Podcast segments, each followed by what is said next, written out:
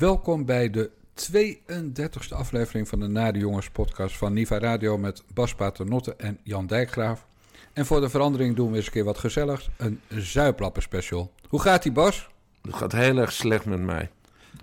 Over zuiplappen gesproken. Er was, uh, er was vannacht hier op de gracht een feest. Ik weet niet eens welk huis, maar het was keiharde atonale boom muziek. Ik heb bijna de politie gebeld en het heeft tot drie uur vanmorgen geduurd. En, uh, en ik, ik, lag al vroeg in bed, maar weet ik voor half één of zo. Maar uh, om één uur schoot ik dus wakker van die teringherrie. En die lui die feesten dan ook gewoon tot drie uur s morgens door. Dus je, je kan ook niet meer in slaap vallen. En ik heb geen oordop of zo. Dus ik heb een vreselijke, vreselijke nacht achter de rug. Klinkt lekker. ja, nee, maar echt. Ik, ik heb e-, echt slaap is voor deze nare jongen heel belangrijk. Dus als ik te weinig slaap, dan, dan stort bijna het hele, hele systeem uh, in elkaar. Uh, over, over atonale boom-boom muziek gesproken. Wellicht dat je even het volgende fragment kan beluisteren.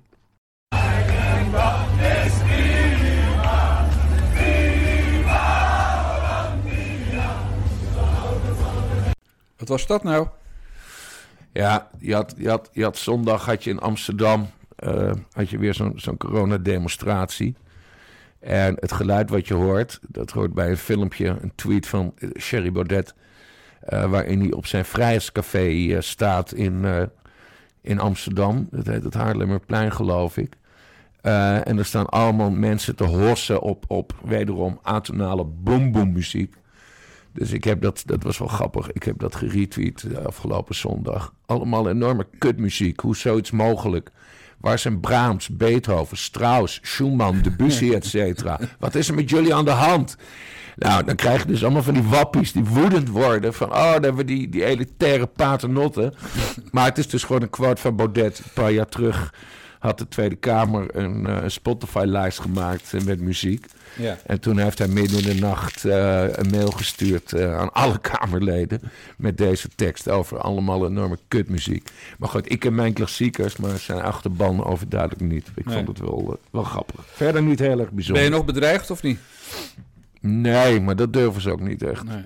Maar nee. je krijgt gewoon heel veel zeikers en, en heel veel domme mensen. Ja, de, zeg maar de mute-handleiding. Mute- en blok-handleiding. Ja, exact. Ja, ik blok ja. dus bijna niet. Hè. Ik doe ah, mute. mute. Ja, ik ja, ook. Ja. veel leuker. Dan denken veel ze dat, dat je ze leest. Exact, exact. super. Hey, uh, zullen we het over politiek gaan hebben? Nee, eerst even hoe is het met jou nu? Want vorige week hebben we jouw lichamelijke conditie besproken. En die was niet erg... Uh, erg uh, goed. Hoe, hoe, hoe, zijn we een week verder? Nou, die is nog steeds kut, maar wel iets minder kut. Hmm. Uh, als jij klaagt over je nachten, nou, lees vandaag de 99 woorden van mij, op 99woorden.nl. Dan zal je zien hoe vaak ik vannacht wakker ben geworden van de pijn en woorden heb gebezigd waar mijn moeder uh, niet trots op zou zijn. Ja. Want zoals je weet was mijn moeder netjes christelijk. Ja. Uh, dus uh, gewoon kut. Maar ik, ben wel, ik heb wel een, een, nieuwe behandeling. Het zogenaamde dry needling. Dus dan wordt er een, uh, een droge naald in je rug of op je spier, spieren, in je spieren geprikt. En dan wordt daar een beetje aan gefriemeld. En dan spring je ongeveer van die behand, behandeltafel af. Ja. En mijn fysiotherapeut zei: Wij zijn voorlopig niet van elkaar af. Oké, dus dat gaat nog heel lang duren. Even, even voor de, de nieuwe luisteraar, hoe heet het alweer? Uh, ja, ik, je... vroeger heette het RSI, maar ik heb dus uh, onlangs een boek getikt en gecorrigeerd en in verkeerde houdingen met verkeerde apparatuur. Ja, en dat uh, moet je op een bepaalde leeftijd blijkbaar bekopen. Ja. Dus ik ben gewoon een, uh, ja, ik loop uh, of ja, iets minder krom dan eerst, maar ik loop krom en zit op mijn rug een paar van die tipping points en die stralen uit naar je handen, dus ik kan ook geen pen goed vasthouden. Ja, ja Bas, het is gewoon kut. En ik heb vandaag, bij wijze van experiment, even voor de mensen die geïnteresseerd zijn in techniek en die niet 100 jaar, of die net als ik 100 jaar achterlopen. ik heb in het programma Word, daarin, daarin schrijf je stukjes, zoals je weet. Uh, daar heb ik uh, uh, die 99 woorden ingetikt met de dictafoonfunctie. Oh? Ja, en ik heb natuurlijk vroeger best wel eens van die spraakherkenningsprogramma's gebruikt, maar dan was ik een early adapter. Dus toen, ja. waren, toen nog kut. En zat je meer te corrigeren dan dat er goed was. Maar die dictafoonfunctie in Word, ja, die is eigenlijk gewoon hartstikke goed. Dus ik, het was nu 99 woorden, maar ik ga er ook mijn toetje maar in tikken. Dus dan hoef je, hoef je alleen maar met één hand de correcties te doen. Ja. Dus ja, dat is het. En, en, hoe, goed, hoe goed is die dictafoonfunctie? Ja, supergoed. Hoeveel, hoeveel, hoeveel, correcties? Hebben we het over één, over tien? Nee, we hebben wel een stuk of tien. Maar dat zijn dan dingen als een punt erbij of een hoofdletter weg. En uh, kleine dingen. Maar die, de woorden, terwijl ik toch niet echt de meest heldere stem uh, ter wereld heb. Maar de woorden schrijft hij allemaal goed op. Ja.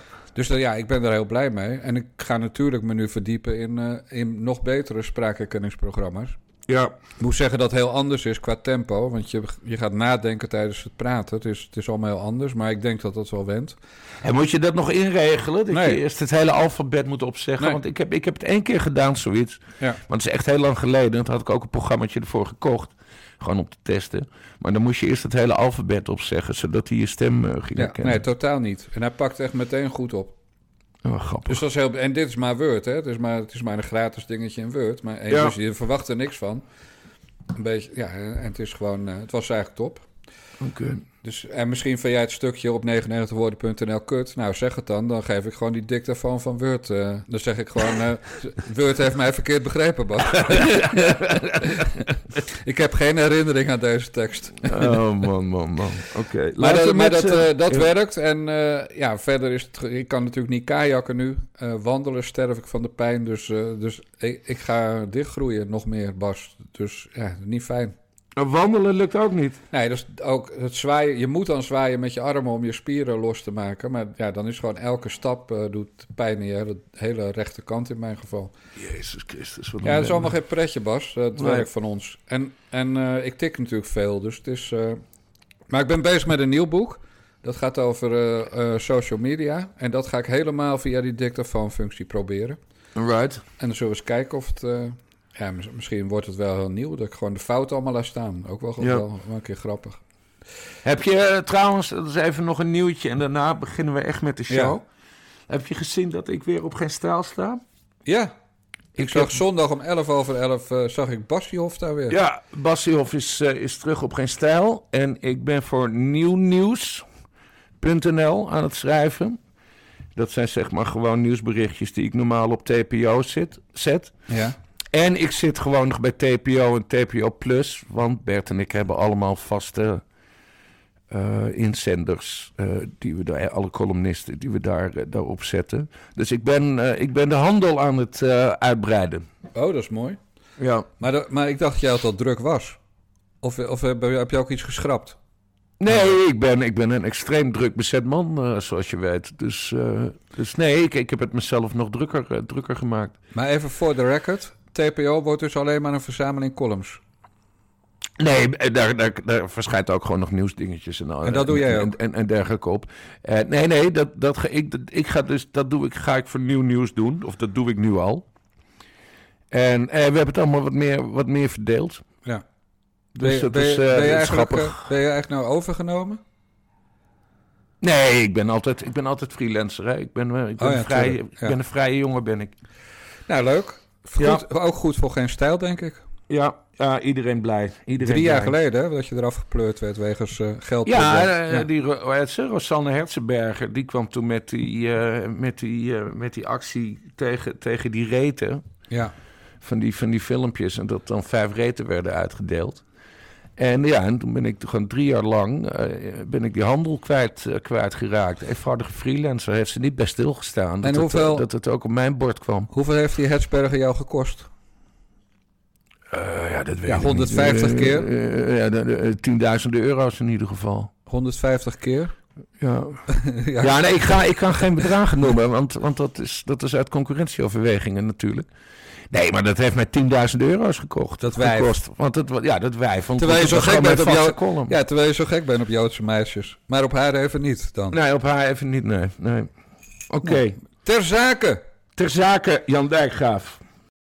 Ja, voorzitter, dan kan ik niet anders dan concluderen dat het een hele grote laffe bende is bij D66.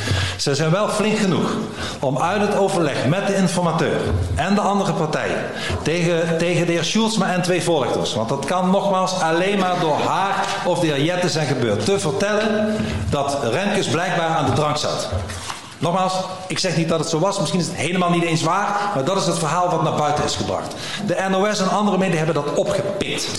De heer, de heer Remkes is daardoor, en gelukkig trekt hij zich daar weinig van aan, maar is daardoor beschadigd. Hij is daardoor beschadigd. Het is een vuile roddel over iets wat niet naar buiten mag komen. En dan wordt u hier door collega's ter verantwoording geroepen en dan kruipt u, dan kruipt u in uw, in uw nest. En dan durft u niet te zeggen waar de heer is. Waar is de heer Sjoelsma? Waarom komt de heer hier zelf niet vertellen wat hij heeft gedaan? Waar heeft u de heer daarop aangesproken? Heeft de heer is hij zijn portefeuille kwijtgeraakt? Dan moet de heer Sjoelsma, komt hij de volgende keer op de lijst te staan? Heeft u de heer Sjoelsma ertoe opgeroepen? Heeft hij het zelf gedaan? Waar is de heer Sjoelsma? En waarom mogen wij dat niet weten? En mevrouw de voorzitter, dit is niet een incident. Het is vaker gebeurd. Het is vaker gebeurd dat dit soort, dit vuile spelletjes van uw kant komen. En nu gaat u waarschijnlijk weer herhalen, voorzitter, ik zeg opnieuw, het is een interne zaak. De interne zaak van D66, als u daar weer geen antwoord op wil geven, stinkt. U beschadigt iedereen.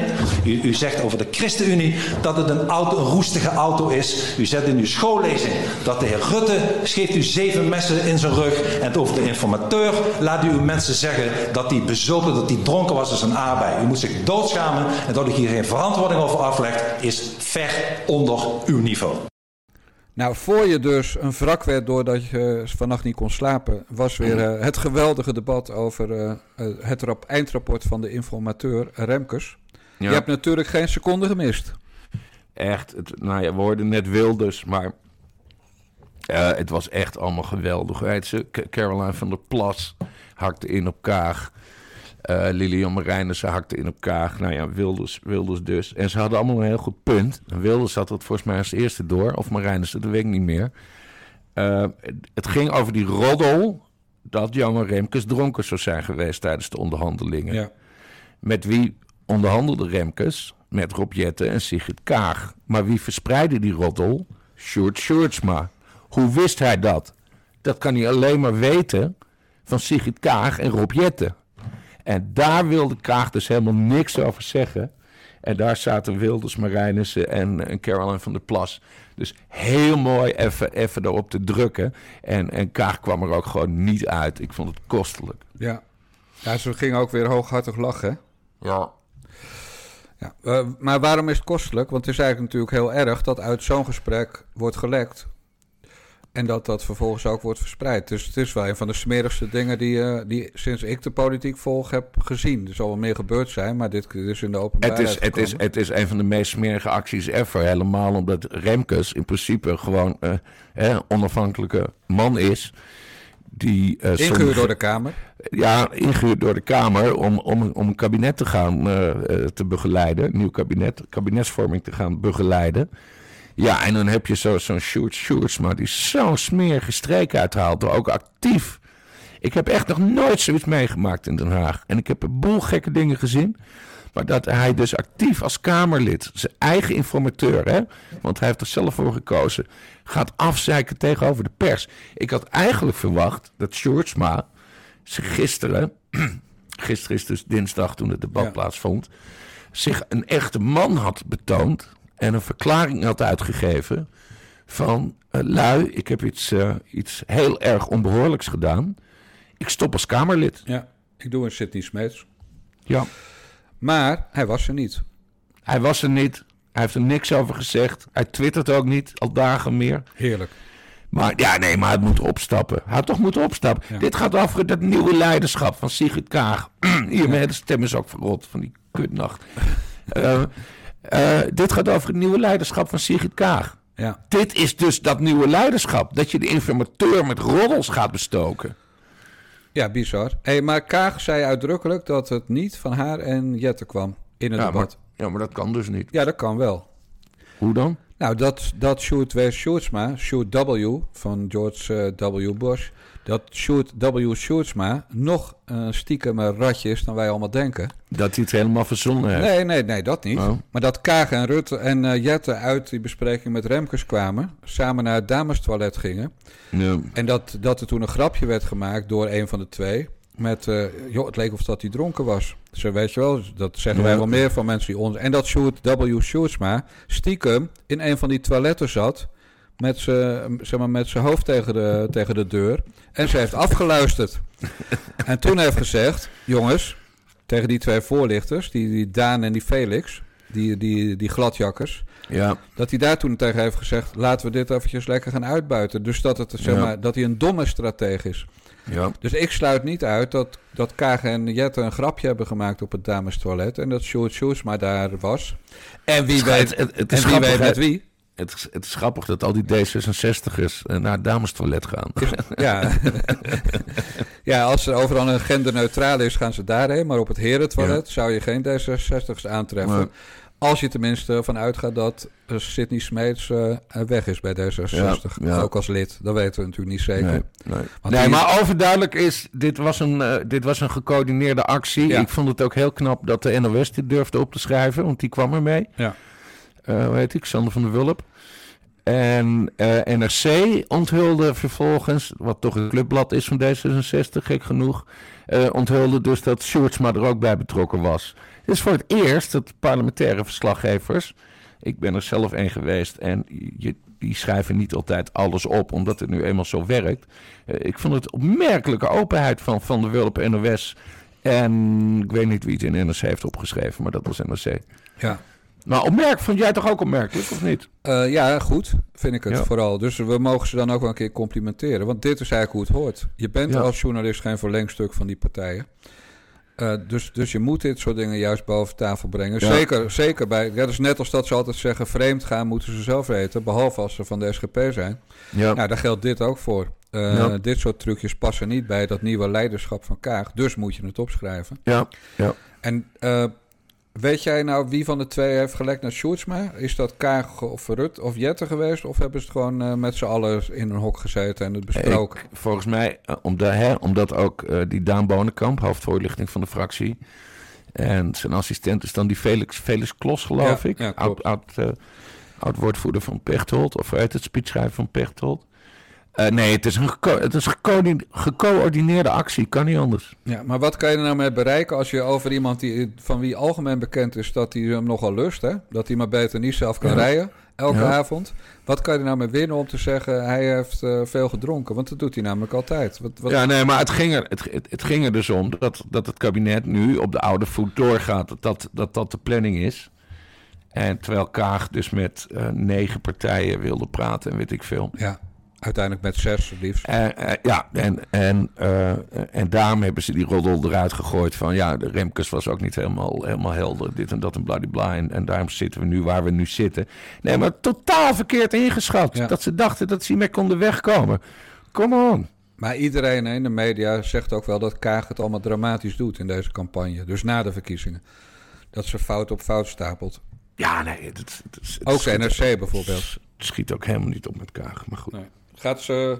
Kijk, bij Kaag heb ik altijd iets van... eh, want gisteren had ze het ook weer over... dan zitten we aan de eindtafel. En dan bedoelt ze wanneer de namen van, eh, van het nieuwe kabinet worden... eh, ge- worden zeg maar, ja, wanneer de kabinetsleden namen en rugnummers krijgen... Ja. dan noemen ze het woord eindtafel. En dat is geen woord uit de politiek volgens mij. Dat is een woord uit onderhandelingen bij de VN en dat soort organisaties. Ja. Dan kom je op een En, gegeven en, moment... en table, en table. Ja, precies. Dus ze, ze kan best wel wat, hè? Dat, dat staat denk ik wel vast. Alleen die mevrouw is zo ongelooflijk misplaatst in Den Haag. En ze heeft zo'n bloedhekel aan, eh, echt een bloedhekel, haat bijna aan gewone burgers, maar ook aan Kamerleden. Ja. Totaal geen respect voor die, voor die mensen, want ze vindt ze allemaal gewoon dom. Komt Ja. er denk ik op neer. Ja, maar als je er, als je er achter het uh, katheder ziet staan ook, het is, het is fucking, doet ze alsof ze koningin Beatrix is, lijkt het wel. En nee, maar dat kamerwerk, dat ligt daar sowieso niet. En, en we hebben het wel eens vaker besproken. Het zal ongetwijfeld een goede diplomaten zijn geweest. En ze moet dan ook maar weer gewoon minister van Buitenlandse Zaken worden. Ook al wordt er ook weer gezegd dat ze minister van Financiën moet worden. ja, dat, Dus dat wordt lachen. dat is voor mij een beetje onduidelijk waarom. Maar dat heeft er dan weer mee te maken dat Wim Kok ooit zo is begonnen. Hè? Ja. Eerst minister van Financiën, daarna premier. Eh, ja, en dan hebben we wat doen we met Wopke, waar we het straks ook nog over gaan hebben. Dus qua hoe dat qua eindtafel gaat lopen, weet ik niet. Ze wordt in ieder geval minister en, eh, en, eh, en, eh, en vicepremier. En dat kamerwerk, dat moet ze maar links laten liggen. Want ze is er niet voor gemaakt. En ja, ze hebben zichzelf dus met deze kwestie Remkes extreem beschadigd. Want dit onthoudt iedereen. Ja. Dit, dit is de legacy Hè? Dat is Engels. Hè? Ja, dat moet je niet doen, Bas. nee, maar, nee, maar dit is dus de erfenis van Sjoerd Sjoerdsma. Die gaat zo de geschiedenis in. Hij is de man die de roddel verspreidde dat uh, Johan Remkes als informateur dronken was. En die ook Wilders op een, eh, op een onheuse manier uh, een paar maanden geleden heeft beschreven als uh, vrouwenhater, homofoob, weet ik het allemaal, in een, in een tweet. Ja. Dus ja, Sjoerdsma is echt de prototype rat wat wij niet moeten. Dat is geen, nee, nare, nee, geen nee, nare jongen. Kijk, Sjoerd Sjoerdsma, hij is zeg maar de hoofdwapperende vinger van D66. Hè? Hij, hij wappert het meest. En hij is nu diepst gevallen. Dat is zo ironisch. Ja. Dus de, de grote ethicus is gewoon in zijn eigen refijn gelazerd. Van zijn, met zijn morele high horse en al. Ja, heerlijk, heerlijk, heerlijk. Ik kan er zo van genieten. Het, het is inmiddels ook al een beetje in de peilingen te zien. Min 5 of zo. Dus gaat goed met ze. Ja. ja. Op weg naar de drie zetels in het pre-Pechtel-tijdperk. Zou lekker zijn, hè? Ja. Zo. Heerlijk. Hey, zullen we dan even een andere uh, faalhaas uh, bijpakken? Ja, gaat ook over integriteit, hè? Precies. Komt hem. Ik zal dus niet alleen ingaan op wat er de afgelopen dagen in de krant heeft gestaan, maar alle financiële informatie benoemen en hoe ik dit voor mijn aantreden als minister heb afgewikkeld. Het gaat om vijf onderdelen. Eén zijn de aandelen in Asilia. Dat is de investering in de start-up voor ecotourisme in Afrika van een vriend van mij, die recent in het nieuws kwam. Dat is ook waar de heer Nijboer naar verwijst. En zoals al eerder aangegeven heb ik deze aandelen verkocht eh, voor mijn aantreden als minister. Twee is een koophuis in Bussum, dat mijn vrouw en ik in 2015 hebben gekocht en waar wij nog steeds wonen. Drie zijn aandelen in McKinsey, eh, gekocht in 2013, die ik diende te kopen op het moment dat ik partner werd. Het bedrijf staat geregistreerd in de staat New York en deze aandelen heb ik verkocht uh, voor mijn aantreden als minister. Vier, een belegging via het McKinsey Investment Office uit 2015 om additioneel pensioen op te bouwen. Dit fonds staat geregistreerd in Guernsey. Ik heb dat gedaan in 2015 en ook dit deel van McKinsey heb ik verkocht voor mijn aantreden als minister. Vijf, een negende eigendom van via vererving verkregen onroerend goed in de provincie Drenthe.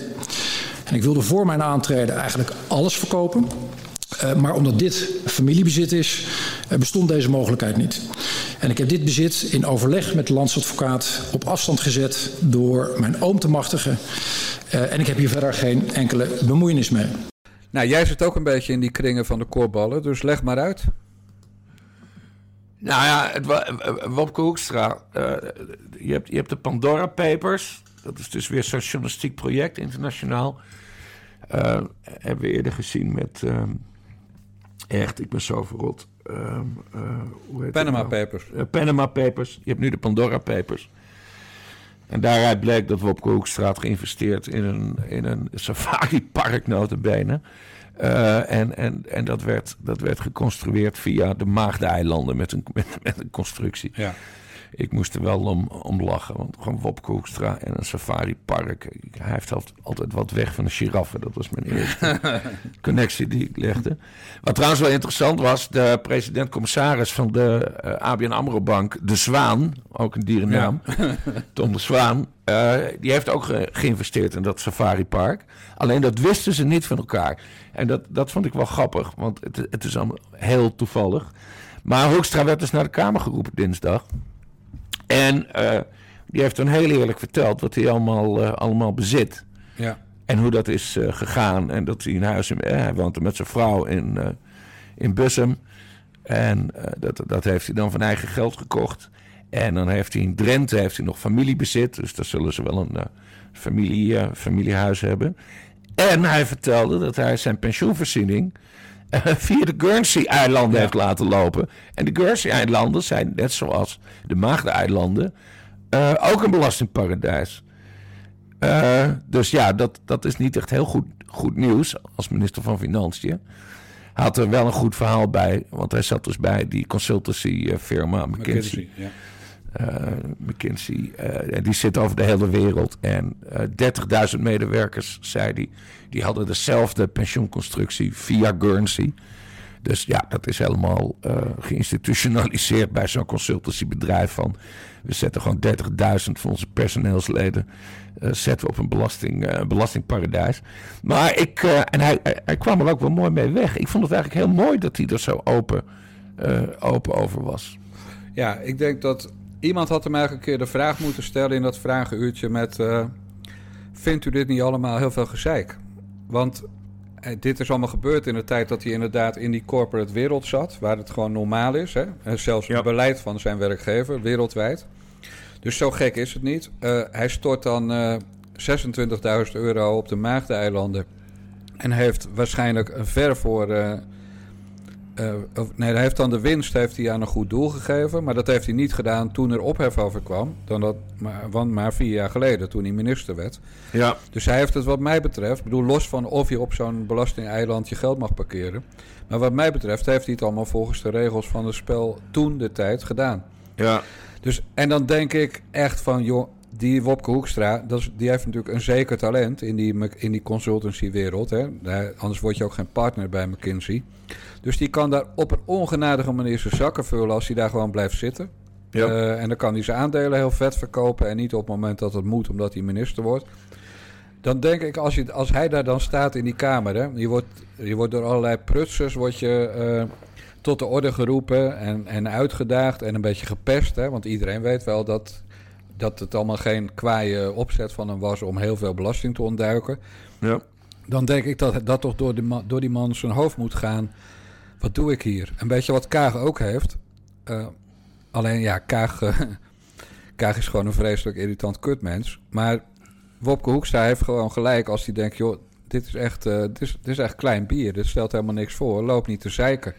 We hebben een crisis in dit land. De grootste crisis sinds de Tweede Wereldoorlog.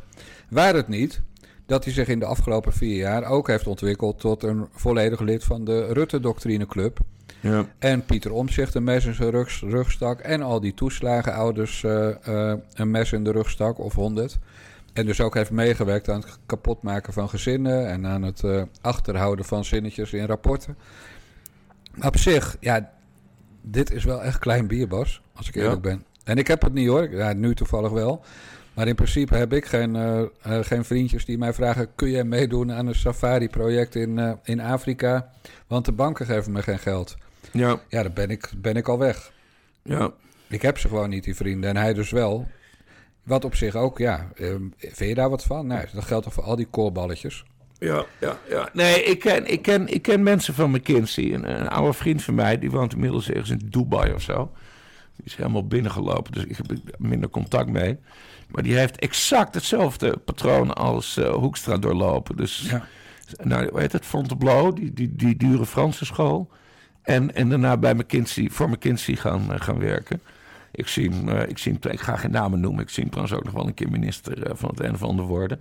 Nee, wat aardig was tijdens het debat, was dat, dat Hoekstra ook steun kreeg uh, Wiebel van Haga, uh, ja, de, uh, die noemde het een heksenjacht. Maar Christoffer van de SGP, hè, dat zijn de meer staatsrecht, staatsrechtelijke mensen. Christoffer die zei van, ja, ik vind het eigenlijk allemaal wel meevallen. En ik, en ik ben blij dat u lessen heeft geleerd. En dat u inziet dat het misschien allemaal niet zo handig was, maar het was hij heeft niet iets heel erg slechts gedaan. Vond ik heel netjes van Christophe van de SGP. Maar zo zijn ze. Ja. Toch? Dat, al, dat, was er bij Bas van der Vlies. Dat is zo bij Kees van der Staaij. Ja. Nou, en neef Elbert die schaatst wel eens een scheve schaats. Ja, ja, die gooit zijn vrouw tegen het plafond. oh, die grap is zo slecht. nee, nee, daar vind ik helemaal niks mis mee. hey, maar nog even, is, is Dubai trouwens... Uh, uh, is dat ook waar Gordon heen is gegaan of niet? Of is die ergens anders heen gegaan? Je weet wel, de, de Mark ja, ja, ja, ja, ja, de Marco, man. Kijk, dus ik wilde net zeggen, ben je dan niet af en toe jaloers op die oude vriend van je? Maar ik, dat trek ik terug, want hij kan dus op straat Gordon tegenkomen. Maar verder. Uh, Bas, ik denk dat als die vriend van jou belt over de herrie op de gracht in Dubai... Dat de, dat de politie wel wat mensen uit hun fletje komt slepen. Ja, dan gaat het allemaal heel anders. Dat bedoel ik. Er worden uh, handjes trouwens, afgehakt. Maar even serieus. Uh, ja. Gordon naar Dubai. Hij had dus zo'n mopshondje, hè? En dat heeft hij dus afgestoten. Nee, nee, die, nee, hij beweert dat hij meegaat. Wel? Ja. Oké. Hij is natuurlijk weer woedend dat mensen zeiden dat hij het hondje heeft afgestoten. Maar hij beweert zelf dat hij het heeft uitgeleend. Ja. Eh, dus zeg maar tijdelijk heeft ondergebracht. Nou, dan moet het ongetwijfeld in quarantaine voor het verhuist. Ik zou zeggen, neem mee je binnenzak zo'n klein kut, kutterlikkertje. Ja. Maar eh, nee, hij beweert eh, bij hoog en bij laag dat dat hondje meegaat. Nou ja, weet je, dan hebben ze in Dubai ook weer een keer, of Qatar, weet ik. Nou, ik weet het allemaal niet. Daar, bij die, bij die jurken, hebben ze weer wat op hem, om op een broodje hamburger te leggen. Over Gordon wil ik graag een keer een special maken. We gaan zeker dan een keer een Gordon special maken. En dan mag hij zelf inbellen en dat, duurt, dat is dan 50 minuten schelden. Oh, dat wordt geweldig. We laten Gordon gewoon inbellen. Ja. Heel Je weet cool. dat hij mij ooit een strontvlek heeft genoemd, hè? Ja, jij, hebt, jij en Gordon, eh, dat is als water en vuur. Ja, dat wordt geen neuken. Waarom eigenlijk? Wat was de aanleiding? Ik weet het niet meer. Ik had in eh, Spits, wijlen het eh, dagelijkse metrokrantje Spits... Ja. had ik een column waarin ik eh, waarschijnlijk iets onaardigs over hem zei. Eh, ongetwijfeld over zijn eh mediageilheid. Ja. Of over het exploiteren van zijn ziektes. Ja. Of over het verzinnen van relaties. Of over liefdes van zijn leven die dan na een week alweer over waren. Ja. Of over het feit dat hij jankte dat hij nooit meer een goed eh, tv-programma kreeg. Ja. Of over zijn psoriasis. Of over zijn reuma. Heb je dit voorbereid? Nee, maar ik heb een, soms een redelijk goed geheugen. Of, of over een ongeluk op een Grieks eiland waarbij de dader nooit gevonden is. Ik doe nu een Baudet met mijn eh, wijs en, eh, en middelvinger. Ja. Ja, of over dat zijn koffietentje zo zwaar getroffen is door corona. Ik weet het niet meer, maar in elk geval iets niet positiefs. Ik zei dus niet, Gordon is God. Praise the Lord, zei ik allemaal niet. Nee. Ik schreef gewoon een vervelend stukje. En ja, toen deed hij wat wel meer mensen doen. Hij ging los. En ja, jij weet hoe columnisten dan, wat columnisten dan doen. Die zeggen yes, Beet. beet, Ja. bingo. En dan doe je het daarna nog veertig keer. Maar goed, hij heeft me ook mijn, over, om even in lijn met jou, eh, Rosanne Hetsberger te spreken. Hij heeft mij natuurlijk ook gewoon keihard handel gekost. Want doordat de column over hem bij Veronica Insight geweigerd werd door Wilfred Gené, ben ik daar gestopt als columnist. En dat heeft me 7000 euro aan omzet gekost. Ja. Kijk, vertel wel gewoon de bedragen. Want Gordon, die zat in de stal van Nou, John de Mol dan, Gordon toch? beweerde dat hij de belangrijkste adviseur van John de Mol was. Maar hij stond, Geweldig. hij stond in ieder geval onder contract bij, eh, bij Talpa. En eh Gené lag toen nogal onder vuur vanwege dat, eh, dat Zwarte Piet gedoe bij het tv-programma. Ja. Eh, dus Gené wilde even niet dat eh, Gordon een huilend mailtje naar John de Mol stuurde met eh, die dijkgraaf pest me. En dan, dat Gené daar dan voor zou opdraaien. Ja. Dus ja, allemaal prima. Ik bedoel, eh, ik heb er zelf voor gekozen om daar op te stappen. En dat kan je ook niet vaak genoeg noemen. Hè? Dan, dan ben je lekker principieel. ja. Dat Ik heb, er, ik, heb, ik heb één keer, want dat, dat heet dan VI Radio of zo? Veronica Insight. Ja, ik heb, dat, ik heb dat één keer geluisterd op de radio. Ik vond het helemaal niet leuk. Ik vind die talkshow wel super grappig, hè, met, met, met die andere twee, die kale en, eh en dinges. Maar dat radioding, Nog even hoor, die Kale en Dinges. ja, eh, Je bedoelt die twee oud-voetballers. grijp, Grijpvogel en... Oh, ik ben echt uitgeput, Jan. Hoe heet die? Grijpvogel en... Ja, maar er zit geen Kale bij. Of ja, bedoel jij dat Ja, Gijp nee, is? Grijp, Grijp is kaal. Ja, oké. Jan Boskamp, die andere. Nee, Hans Kraai. ja, nee. Nee, maar die andere die erbij zit. Oh, nee. Nee, Derksen. Derksen, Jan Ja, Derksen. ja. Jezus Christus, echt. Nou, maar ik dementeer dus, hè, als ik te weinig slaap. Dan, Ja. dan Ja, ik merk hele, het. hele hersensfuncties, die vallen gewoon uit. Deze smoes ga ik ook thuis gebruiken als Thea vraagt... heb je dit en dit nog meegenomen bij de winkel? Zeg ja. Ja, ik heb zo slecht geslapen. Vraag maar aan Bas, die heeft dat ook. Want mij gelooft ze nooit. Oké, hey, integriteit was het bij Hoekstra. Was Ja. hij integer of niet? Ik zeg ja. ja, ik vond het dus ook in ja. tegen. Is het dom van hem? Eh, nou, nee, want hij zei ook, het, het, het, het speelde ook allemaal in 2009. hè. Hij zei ook, dat was een andere tijd. Eh, eh, Nederland, dat, ja, dat, vond, echt een mooi verhaal van hem. Nederland zette Duurt het trouwens lang of niet? Want dan Nee, nee, heel al- kort. Oh, we gaan het heel kort Ja. houden. Nee, maar Nederland zette destijds ook in op een agressief belastingklimaat. Hè? Wij probeerden zoveel mogelijk grote bedrijven naar Nederland te halen. Nederland als belastingparadijs. Ja, dat is hoe er toen tegenaan werd gekeken. En dat heeft hij helemaal keurig uitgelegd. Nee, integerder dan dit kon hij het niet doen. Nee. Oké. Waarvan akte? Waarvan akte? Next. Lang horen we dat er gepraat wordt langs de lijnen van de inhoud en dat er inhoudelijk weinig verschillen zijn. Naar buiten toe zagen we een motie van afkeuring tegen premier Rutte. De wegen scheiden, maar kwamen snel weer bij elkaar. Een motie van afkeuring tegen minister Kaag. Segers die vergeleken werd met een geparkeerde roestige auto. En Mariette Hamer die vertelde dat ze elke morgen eerst moest bespreken wie er nu weer in de kranten wat naast over elkaar gezegd had. Kussens, drankgebruik. Deze informatie ging over heel veel zaken die niets van doen hebben met de ernstige problemen van Nederland. We hebben na het toeslagenschandaal een nieuw sociaal contract nodig. Een nieuwe verhouding tussen overheid en burger. Niets daarvan kwam naar buiten de afgelopen zeven maanden. We hebben een wooncrisis waar jongeren geen woning kunnen vinden. Waar gescheiden mensen met geluk nog een plekje kunnen vinden in een, in een caravan. En waar hebben wij het over? Houd toch op. En bestaanszekerheid wordt gedropt door partijen. Hoe dom. Voorzitter, het is knap van informateur Remkes dat hij deze partij tot de orde heeft kunnen roepen en ergens door heeft kunnen dwingen. Maar dit wordt helemaal niets. Bas, je weet dat ik de afgelopen jaren best wel kritiek heb gehad op Pieter Omzicht. Wegens Ja. tekenen bij het kruisje. Eh, wegens eh, het helpen, dus daarmee helpen eh, van Rutte 3 aan een meerderheid in, in de Kamer. En Hij heeft in principe het kabinet laten vallen, hè, voor de goede orde. Ja, dat was later, maar met Ja. Renske Leijten en met Farid Azarkan dan. Ja. Dus, dus, maar op zich heb ik wel eens een kritische noot over hem ge, geuit. Hè? Zeg je dat zo? Nou ja, in elk geval heb ik hem wel eens afgezeken. Gewoon Nederland. en daar sta ik ook nog steeds achter. Maar sinds hij terug is in de Kamer, je ziet gewoon dat ze allemaal in dat vak K peentjes zweten als om zich naar die microfoon loopt. Ze zijn gewoon bang van hem. En ik vind dat hij het hartstikke goed deed gisteren. Hij, heeft, eh, hij heeft de minste spreektijd van de Kamer. Wat hij zelf ook erg benadrukte. Eh, maar ja, het is gewoon Pieter Omzicht. eh, free, hoe heet dat? Vrij van de, van de schakels. Hoe heet dat nou? Fractiediscipline. Nee, Oh, slaven. de ketenen. Eh, ketenen, vrij Ja. van de ketenen. Hij is vrij van de ketenen. Pieter Omtzigt kan doen wat hij wil. En eh, ik vind het heel aardig om, eh, om te zien. Dus je hebt het wel gevolgd allemaal.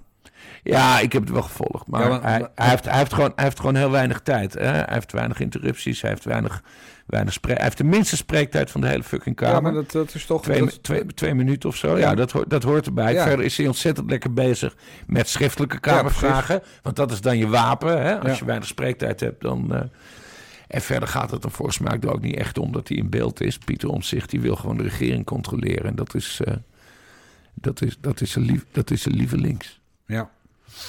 Wat vond je het beste wat hij deed gisteren? En Dat weet ik niet meer. Het- Echt, ik, mijn, mijn Jouw, hele ho- jouw, jouw hoofd is gewoon helemaal weg, hè? mijn hoofd zit vol met watten nu. Echt, ik ben echt... Nee. Nou, weet je, dat geeft niet, want dan krijgt hij bij ons ook gewoon de minste spreektijd. Ja, Ja, en de toch? onderwerp. Precies. Next. Ja, we hebben, we hebben vorige week voor het eerst een inbellen gehad op jouw verzoek. Hè? Ik heb er 30 afleveringen tegengehouden. Maar vorige week hadden we Erik de Vlieger. Ja, als inbeller. Ja. Ja, en, en wij gaan niet rechtstreeks bellen met u lui, want dan moeten we terugpraten. En wij, wij houden helemaal niet van bellen allebei. Nee. Dus, en jij zei na Erik de Vlieger, nou dat was hartstikke leuk, dat moeten we vaker doen. En eigenlijk ben ik wel om. Maar ik vind dat we dan ook mensen die niet door ons benaderd worden, met wil je inbellen bij ons en een vraag stellen. Maar dat er ook mensen die gewoon zelf iets aan ons kwijt willen, die mogelijkheid moeten geven. Ik ga ze niet mijn nummer geven, Jan. Nee, moet jij dat doen. Dat, dat vind ik geen enkel probleem. Dus ik ga zometeen mijn 06-nummer geven. En mensen kunnen, kunnen mij dan via een audiobericht op WhatsApp... kunnen ze eh, vertellen wat ze kwijt willen aan ons. Ze kunnen ons vragen stellen, whatever. Ze kunnen ons uitschelden als, ja, als ze verder geen leven hebben. Eh, eh, ga vooral je goddelijke gang. En wij hebben dan ook, door het feit dat ze hem inspreken... het recht om, om die eh, audio te gebruiken bij de Nare Jongens podcast... En er natuurlijk mee te doen wat we willen. Hè. We mogen dan ook terugpraten. Maar iedereen die iets kwijt wil aan de nare jongens, eh spreek dus een audiobericht via WhatsApp in op het nummer 06 50 20 81 03. Eh, en dan eh, kom je misschien vanaf nu in de uitzending. En wij laten ons niet beledigen. Dat je dat even vast weet. Het moet allemaal netjes, beschaafd, net als wij zijn. maar alles kan, alleen we zijn ook geen Jantje Roos. Dus roddels. En roddels uit de eerste hand, de tweede hand, de derde hand, de vierde hand, de vijfde hand, de zesde hand zijn we totaal niet in geïnteresseerd. Nee. We gaan niet de dialoog aan. Spreek een boodschap in. En nog een ding, als die korter is dan een minuut, flikkeren we hem ongezien weg. Want er moet wel een beetje volume hebben. Ja. Eh, kwaliteit is belangrijk, maar kwantiteit ook. Dus Ja. nogmaals, bel met of WhatsApp, audiobericht 06 50 20 81 03. En nou zei Bas net, als jij een nummer geeft, dat zei hij even buiten de, de opname, als jij een nummer geeft, krijg je allemaal gekkies aan de lijn. Maar ik, omdat ik in Eestega woon, weten gekkies mij nooit te vinden. Bijna nooit althans. Nee, daar heeft eentje, die ene gek heeft Ja, die gek. Ja, die, die gek van eh, NOS is fake nieuws. Ja, ja, ja, ja, ja. Ja, Die, die- stond, gewoon, met- eh, die met- stond gewoon op de oprit. Die kwam met draaiende camera de oprit op. En eh, dan ben je, ben je zo nitwit als je niet snapt dat dat niet mag in Nederland. Dat je, ja, dan ben je gewoon een waardeloze knoeier. Ja. Maar kom, Oké, maar, kom maar door met die berichten. Maar we hebben er van deze week hebben we nog eentje zelf gebeld. Exact. En- lang, als- verhaal, lang verhaal kort. We hebben nu dus inbellers. En ik heb iemand benaderd uit jouw directe familie. Namelijk zijnde de Bobster, Bob Dijkgraaf. Jongens waren we, maar nare jongens. Of, zoals ik jullie liever noem, de nare pakers. Pakers betekent voor de niet-Vriezen onder ons opa's. En nee, dit is niet een bericht voor Jan Dijkgraaf om te vertellen dat hij eindelijk opa wordt. Want hoewel ik niet namens zijn broer kan spreken, weet ik vrij zeker dat ook hij je geen opa gaat maken voorlopig. En ik ben, zoals jullie weten, veel te druk met het stellen van een paar vragen aan de directie van Feyenoord. Dat gaat over Feyenoord City, dat hebben jullie ook al meegekregen. En inmiddels zit ik op stuk op 200 vragen. Dat aantal zal nog wel gaan groeien. En in de tussentijd hebben jullie het vooral over Kouta met die moeilijke achternaam. Jullie hebben het over de kakelkip. Dan komt er een of andere gekke imitatie van die kleine kale kapelmeester. En ondertussen steekt Bas Paternotte een sigaretje of 800 op. Maar eigenlijk wil de luisteraar, en ik al helemaal, maar één ding weten. En dat is een vraag die speciaal gericht is aan Bas Paternotte. Want, heer Paternotte, jullie hebben het regelmatig over voetbal. En dan gaat het over de wingbacks, over Denzel Dumfries. Het gaat over Dirk Kuyt, die spits van PSV, die toch niet bij PSV zat. Het gaat over Jan Wouters, die al dan niet een bepaalde paas gaf. Het gaat over een uitslag die eigenlijk nooit bestaan heeft. Maar er is maar één ding echt belangrijk. Bas, ooit ga jij de voetbalwereld veroveren. Het is eh, nog slechts een kwestie van tijd voordat de hele wereld jouw naam roept. Maar wil je me, of je nou een nare jongen bent of niet, of je nou naar Erik de Vlieger luistert en het landsbelang voorop stelt of niet, wil je me één ding beloven: dat je nooit, maar ook nooit, de hoofdtrainer wordt van Ajax. Ja, er zijn nu mensen die denken dat ik het was. Want ik hoor wel eens dat onze stemmen nogal een beetje op elkaar lijken. Maar dit was dus echt eh, de kleine. De kleine, kleine kale. De kleine, zoals die- kleine, ja, ja. Zoals die ook wordt. Al heeft hij nog haar. Zolang het duurt. Maar ja, waarom heb je Hele, hem? hele, hele korte anekdote tussendoor voor de mensen. Toen wij bij Metro werkten, toen, heeft, toen heb ik voor het eerst de kinderen van Jan gezien. En de hele redactie had, had zo, echt, dit, dit is 2003 of zo, 2004. Maar de hele redactie was verbijsterd dat ze niet kaal waren. Ja, dat is waar. Ja, nee, dat was heel geestig. Nare jongens waren het toen. Ja, Maar waarom, eh, waarom heb je hem ingeschakeld? Nou, omdat eh, we hebben de laatste tijd doen we af en toe een voetbal, eh, voetbalblokje. En zoals Bob, eh, Bob vertelt, is hij zelf erg geënchanteerd met, eh, met Feyenoord. Dus ik dacht, laat Bob maar wat vertellen. Maar hij zegt dus dat, dat wij onze voetbalkennis niet helemaal op orde hebben. En hij vraagt van of ik ooit oefenmeester bij Ajax ga worden. En daar heb ik dus over nagedacht. En dat is nu wel mijn ambitie. ik wil trainer van Ajax worden. En dan ga ik dat, dat hele Feyenoord, of ze nou wel of niet in dat nieuwe stadion komen, dat ga ik dan verpletteren. En dan, en dan, en dan, en dan wint Ajax de, de, de, de cup met de grote oren. Heet het toch? Ja, zo heette vroeger de Europa Cup 1. Ja.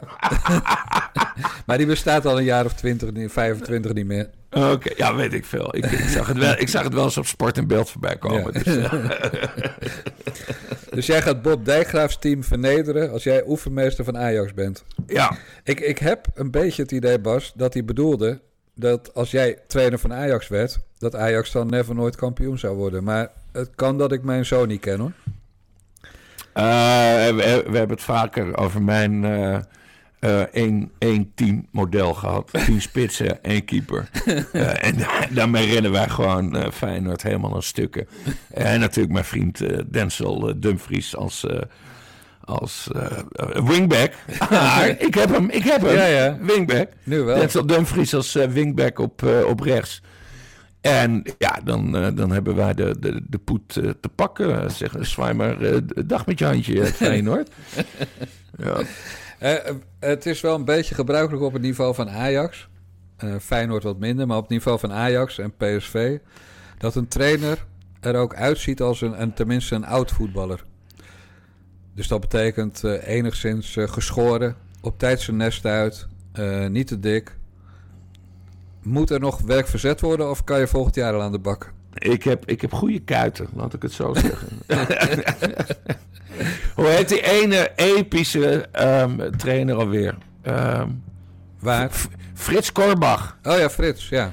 Dat, dat was de episch, meest epische trainer ooit, toch? Nou, in elk geval, ja, ik heb hem diverse keren mogen interviewen voor Panorama. En eh, dat waren wel de, de gezelligste dagen van het jaar meestal. Nee, want hij, hij dronk, hij maakte ruzie.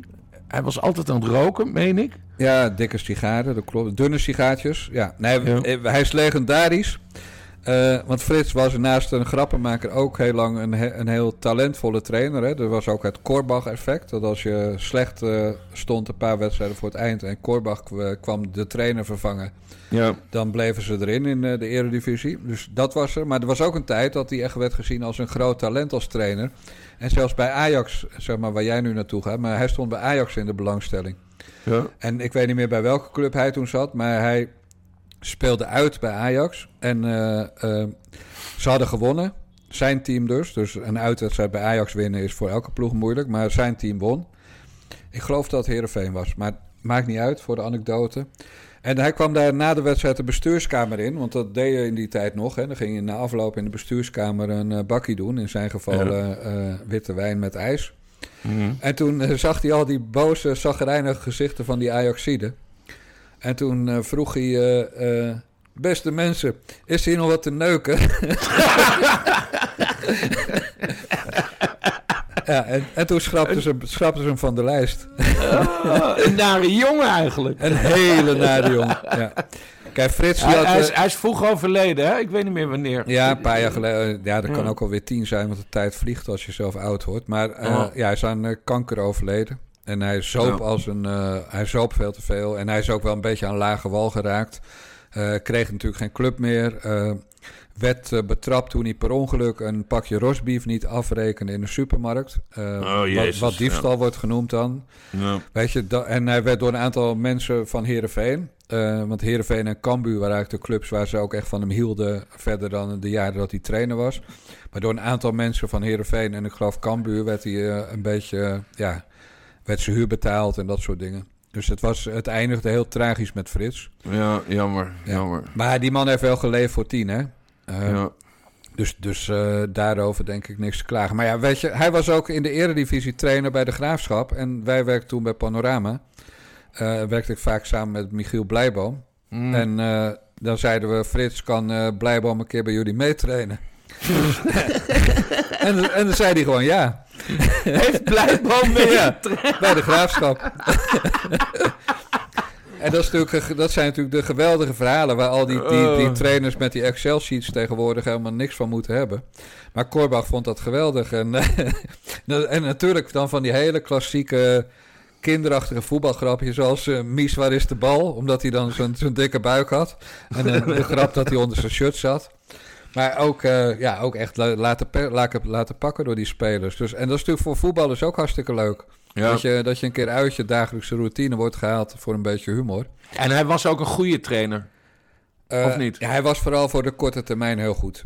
En, eh, en in zijn begintijd was hij, was hij ook wel, meer van het opbouwen. Ja, weet je, die man kon gewoon sfeer maken en die kon mensen gek maken. Hij, hij heeft ook, uh, denk ik, Hans Kraai junior wel getraind in de tijd dat Hans Kraai junior probeerde mensen dood te schieten, te schoppen in het, ja, veld. weet ik, weet ik. Ja, dus, dus het was uh, een bijzonder type. En, ja. en het was natuurlijk een Duitser, hè? ja. En dat, dat uh, heeft ook nog een tijd gevoelig gelegen in Nederland. Want hij was de, je hebt nu die Smit bij PSV, maar Frits was uh, in, mijn, uh, in mijn leven de eerste Duitse trainer van enig aanzien. Ja. Ja, en, en dat was ook wel. hij had natuurlijk niks Duits. Het was, het was meer humor dan, dan discipline bij hem. Maar gewoon ja. wel een kei goede trainer geweest. Ja. Ja. En God hebben zijn ziel als hij daarin gelooft. Maar misschien heet zijn God wel Bacchus. Of moeten we die weer uitleggen? Nee, ja. Nee, dat gaan we, gaan we niet uitleggen. Bas. Ik, ik, ga, nee, wacht even. Ik ga, het bij, ik ga het bij Ajax in ieder geval heel anders doen. Ik, ben, ik, ben een man van, uh, ik ben een man van keiharde discipline. Ik krijg nu trouwens een sms. Eén moment. Even kijken wat er staat. Want dit gaat over jou namelijk. Oh. Eén seconde. Jezus. Er is iets aan de hand met Erika Meiland. Ja, daar heb ik een boek over geschreven. Ja, maar je staat in story. Story? Ik, ik, ik, zie gewoon een foto van jou nu op mijn telefoon in, in story. Het is trouwens een foto van 15 jaar oud volgens mij. Nee, die foto is van vorig jaar, Bas. Geen, geen, uh, die, die foto is waarschijnlijk met een, uh, een zwart-wit jasje en een zwart overhemd, of niet? Ja, ja oké. Okay. Nee, die is van de boekpresentatie van Martien. Het boek van Martien.nl. Mm -hmm. uh, ja, ik krijg het ook binnen. Sander verbijsterd. Sander verbijsterd door boek Erika Meiland. En dan een quote als kop. Jan lag tussen ons in, zeker. Ja, dat, Jo, is Sander... dat, is die, dat is die Sander van Betten. Dat is een, een, pri, een, een, een private detective. Ja. een- ja. Ja, vorige week hadden die bladen een, een, een stukje uit het boek van Erika. Dat komt eh, eh, 28 nove- oktober komt dat boek uit. Is, er- is daar nog een website aan gekoppeld, vroeg ik mij af. Dankjewel voor, deze, eh, voor dit brug. Het boek van Erika.nl. Eh daar is een speciale editie met handtekeningen en hardcover te bestellen voor weinig en zonder verzendkosten. Maar goed, vorige week schreven Story en Weekend dat, eh, dat de relatie die die Sander van Betten beweren te hebben met Erika, ja, dat dat volgens haar geen relatie was. Eh, sterker nog, dat was een paar keer wandelen en een bakkie doen, koffie. En eh, toen had ik eh, gezegd van, ja, toen ik zes, tussen de 6 en 12 was en ik had met een meisje een stukje gelopen, dan zei ik ook wel eens trots tegen mijn moeder: Ik heb een vriendin. maar, maar die Sander is dus 60 ongeveer. En, en, en ja, dan noem ik het geen relatie als je daar acht keer mee gewandeld hebt met je honden. Dus, Ja. dus dat stond vorige week in dat verhaal. En nu zegt hij: Ze gooien mij voor de bus om dat boek te verkopen. En hij heeft ook. Sander houdt, ik, ik citeer nu even, Sander houdt de situatie in de gaten. Hun boek is nog niet uit, dus ik heb gevraagd of ik vast teksten kan inzien. Maar die heb ik nog niet. ze moeten geen rare dingen schrijven, want als er feitelijk onjuistheden in staan, zal ik ze daarop wijzen. Dat heb ik ze al doorgegeven. Dan Volgens ga, mij, volgens mij hebben, Nee, laat we me even afmaken. Ja. dan, ga, dan ga ik voor smaad en laster. Ik laat mij juridisch bijstaan in deze. Ah, we hebben. Heerlijk, ja, weet We je. Ja, hij heeft inderdaad, eh, dat klopt, hij heeft geëist eh, of heeft gevraagd of hij de delen die over hem gaan van tevoren mag inzien. Nou, zoveel weet hij dan. Hij, heeft, hij beweert dat hij jaren voor Peter R. de Vries heeft gewerkt. Nou, dat zal wel. Maar hij weet dan zo weinig van journalistiek en, en, eh, en mediarecht dat hij niet snapt dat je nooit van tevoren eh, stukken naar mensen gaat sturen uit een boek of uit een interview. Ja. Eh, tenzij je dat van tevoren hebt afgesproken. Maar ik heb helemaal niks afgesproken. Dus dat, dat, die gaat hij natuurlijk niet krijgen. Dus dat Nee. nog niet. Dat is ja, tot hij het boek heeft gekocht in de, bij de ACO. Ja. Eh, en juridisch bijstaan. Ja, Erika vertelt in dat boek gewoon dat ze geen relatie hebben gehad. Eh, en dat er niet. zeg maar, er is niet gezoend. Ja, bij mij. en ook niet geneukt zonder zoenen. Dus volgens mij eh, heeft ze gewoon gelijk. En hij beweert ook nog dat hij allemaal eh, eh, berichten en foto's heeft die anders zouden aantonen. Ja. Nou, nou zit ik niet te wachten op foto's van Sander van Betten in zijn blote reet. Ik zit er ook niet op te wachten om tussenin te gaan liggen. Nee. Want weet je, als je dat mannetje aanraakt, breekt hij al. Dat is ongeveer uh, hoe hij eruit ziet op de actuele foto's. Ja, hij, kan, hij kampt ook met allemaal kwalen. Want ik volg hem op Twitter. Daar ga ik zo nog iets over zeggen. Want ik, ik, ik, ga hem namelijk niet afzeiken. Nee, waarom zou je? Dat doe ik ook niet. Ik nee, maar hij, hij, heeft, hij heeft suikerziekte of zo. En, en longproblemen. En, en, weet ik. En, en, en dan ben je dus private detective, hè? Ja, nee, het grappige is... Ja, maar het grappige is... Ja, dus hij kan niet achter iemand aanrennen, bedoel je? Nou, nee, maar het, het, grappige is dat deze man echt altijd heeft geroepen... dat hij nooit de telefoon opneemt als de bladenbellen. Nou ja, dat kan dat hij in dit geval zelf heeft gebeld... na die publicatie van vorige week. Ja. Maar hij heeft toch echt allemaal citaten in Story. En, en de hoofddirecteur van Story, onze goede vriend Guido den Aantrekker... Nee, dat is hij toch niet meer? Guido is nu uh, nee, mij, hij Europees leider van, uh, ja, van, van, van, het hele roddelconcern. Ja, dat, maar dat combineert hij volgens mij nog altijd met het hoofdredacteurschap van Story. Maar oh, het artikel in Story eindigt met... Het boek Erika ligt vanaf 29 oktober in de winkel. En dat Guido dat doet, hebben wij dan toch weer te danken aan de private eye Sander Van Betten. Ja, ja, ja. Die trouwens als vastgemaakte tweet heeft... Ik ben beschikbaar voor werk. Ja, oh, nou, dat, daar snap ik alles van. Dat is heel goed, want wij zijn ook altijd beschikbaar. Nee, uh, ik volg hem op Twitter. Ik weet niet eens hoe ik met hem in uh, contact ben gekomen. Maar ik weet nog toen de coronacrisis vorig jaar uh, begon, dat het echt helemaal misging. Hij heeft zelf dus heeft hij verschillende kwalen. Dus, hoe heet dat? Gevoelig voor corona. Dus hij is helemaal in thuisisolatie gegaan. En hij vertelde een heel mooi verhaal. Ik was daar enigszins door ontroerd, maar ik ben een hele gevoelige jongen. zijn dochter die werkt in de, in de verpleging. En toen heeft hij een hele soort tweets eraan uh, aan, aan, aan gewijd. Dat zijn dochter in de verpleging werkt tijdens de coronacrisis. Dat hij haar niet kan ontmoeten omdat het corona is en hij er gevoelig voor is. En dat nam mij wel voor hem in. Uh, verder, die hele Erika-toestand heb ik natuurlijk niet, uh, niet gevoelig, gevolgd. Want daar ben ik deftig, te deftig voor. Dat snap ik. Maar ik, ben, ik vind het ook een aardige gast hoor. Ik heb hem natuurlijk ontmoet in Ja, maar je hebt hem ontmoet in, op, het, op het kasteel. Ja, en toen heb ik hem uitgelegd dat hij eens moest stoppen met al die, uh, dat koketeren met die uh, wellicht wel, wellicht geen relatie. Ja. En dat ontkent hij nu ook in dat artikel, zie ik, dat we het daarover gehad hebben. Nou, dat, daar hebben we het absoluut over gehad. Maar ja. goed, weet je, dat, dat wel eens niet is gedoe, dat geloof ik allemaal wel. Als iemand dreigt met juridische stappen wegens smaad en laster en er komt een boek uit eh, waar ik mee de uh, eigenaar van ben, hè, van die uitgeverij. Ja, Bas, beter kan je het niet hebben. Dus laat Sander van Betten vooral naar de rechter stappen omdat Erika Meiland beweert dat het geen echte relatie was. Want dat is, ja. dat is uiteindelijk uh, waar, wat hij dan smaad en laster zou noemen. Kijk, er staat niet in dat boek straks uh, hoe groot uh, de kleine Sander van Sander van Betten is. Weet je, weet, je, weet je wat Sander van Betten ook kan doen? Private Eye. Hij kan Jan Dijkgraaf bellen. Ja, dat had, dat had gekund. Of, uh... gooi, je, gooi je nummer nog een keer. Hij kan gewoon inbellen. Dan maar, zet hem, maar dat moet dan wel via WhatsApp. Hè? Audiobericht op WhatsApp. Sander 06 50 20 81 03. En we zullen het publiceren. En we zullen er natuurlijk ook op reageren of niet.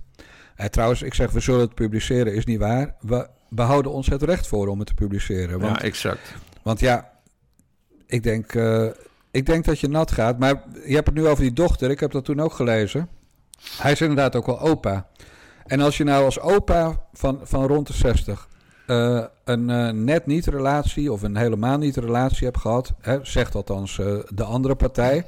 Je kan natuurlijk ook gedroomd hebben dat hij een relatie had. Hè? De, de welbekende natte droom, dat weet je nog wel van vroeger. Mm. Dat kan allemaal, maar, maar je bent opa, je bent vader, je bent rond de 60.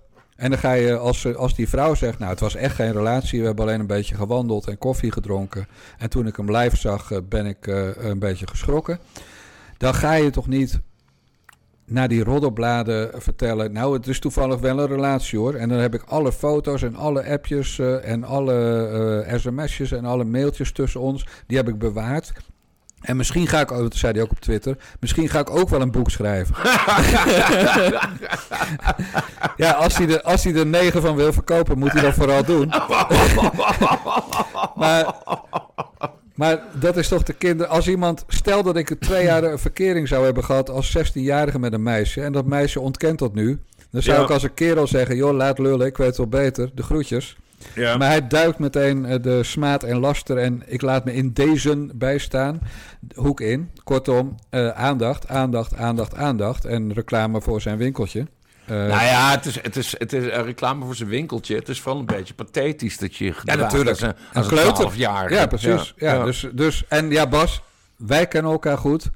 Je weet dat ik enigszins commercieel kan zijn.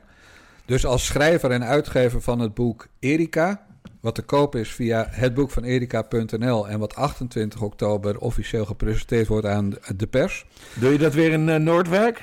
Dat doen we ergens in Noordwijk, ja, maar het is alleen voor de pers. Uh, En alleen voor de grote landelijke pers en wat lokale uh, vrienden.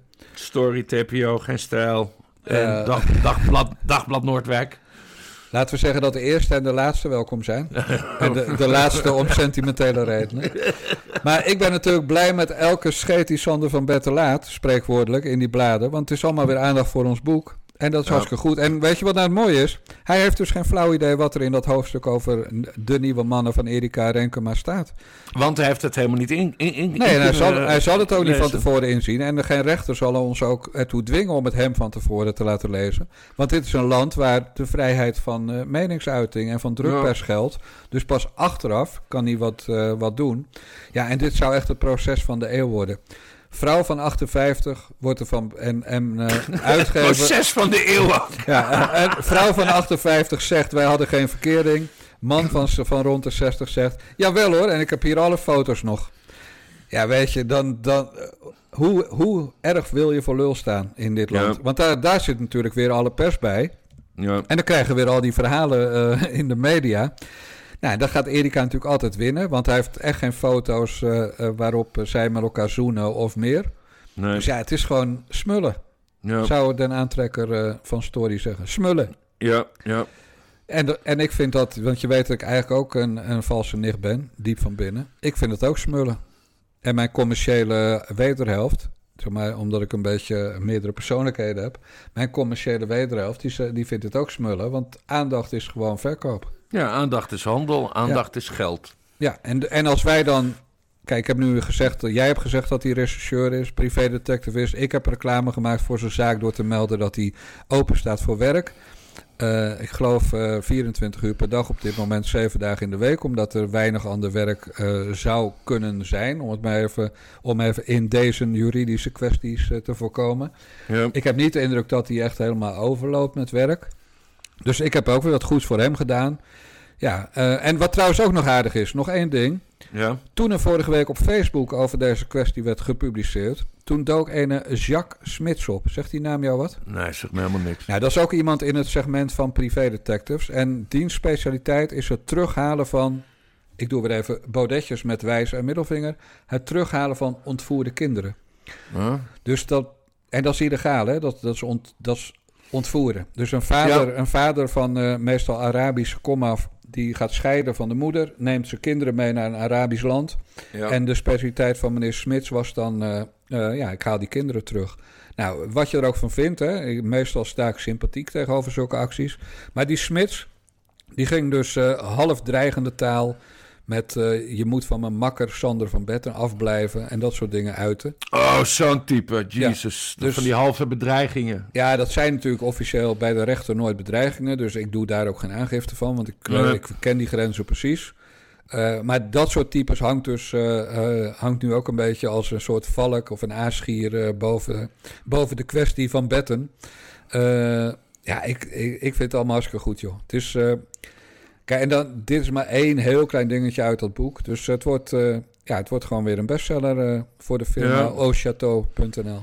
En zo loopt Jan Dijkgraaf met zijn rechterkant uitgevallen lichaampje over de dijk in Eesterga. Met een miljoen euro in zijn in nee, binnenzak. Nee, nee, maar... nog, niet, nog lang niet, nog lang niet. En bovendien, Bas, ik heb heel slecht voor mezelf gezorgd qua pensioen.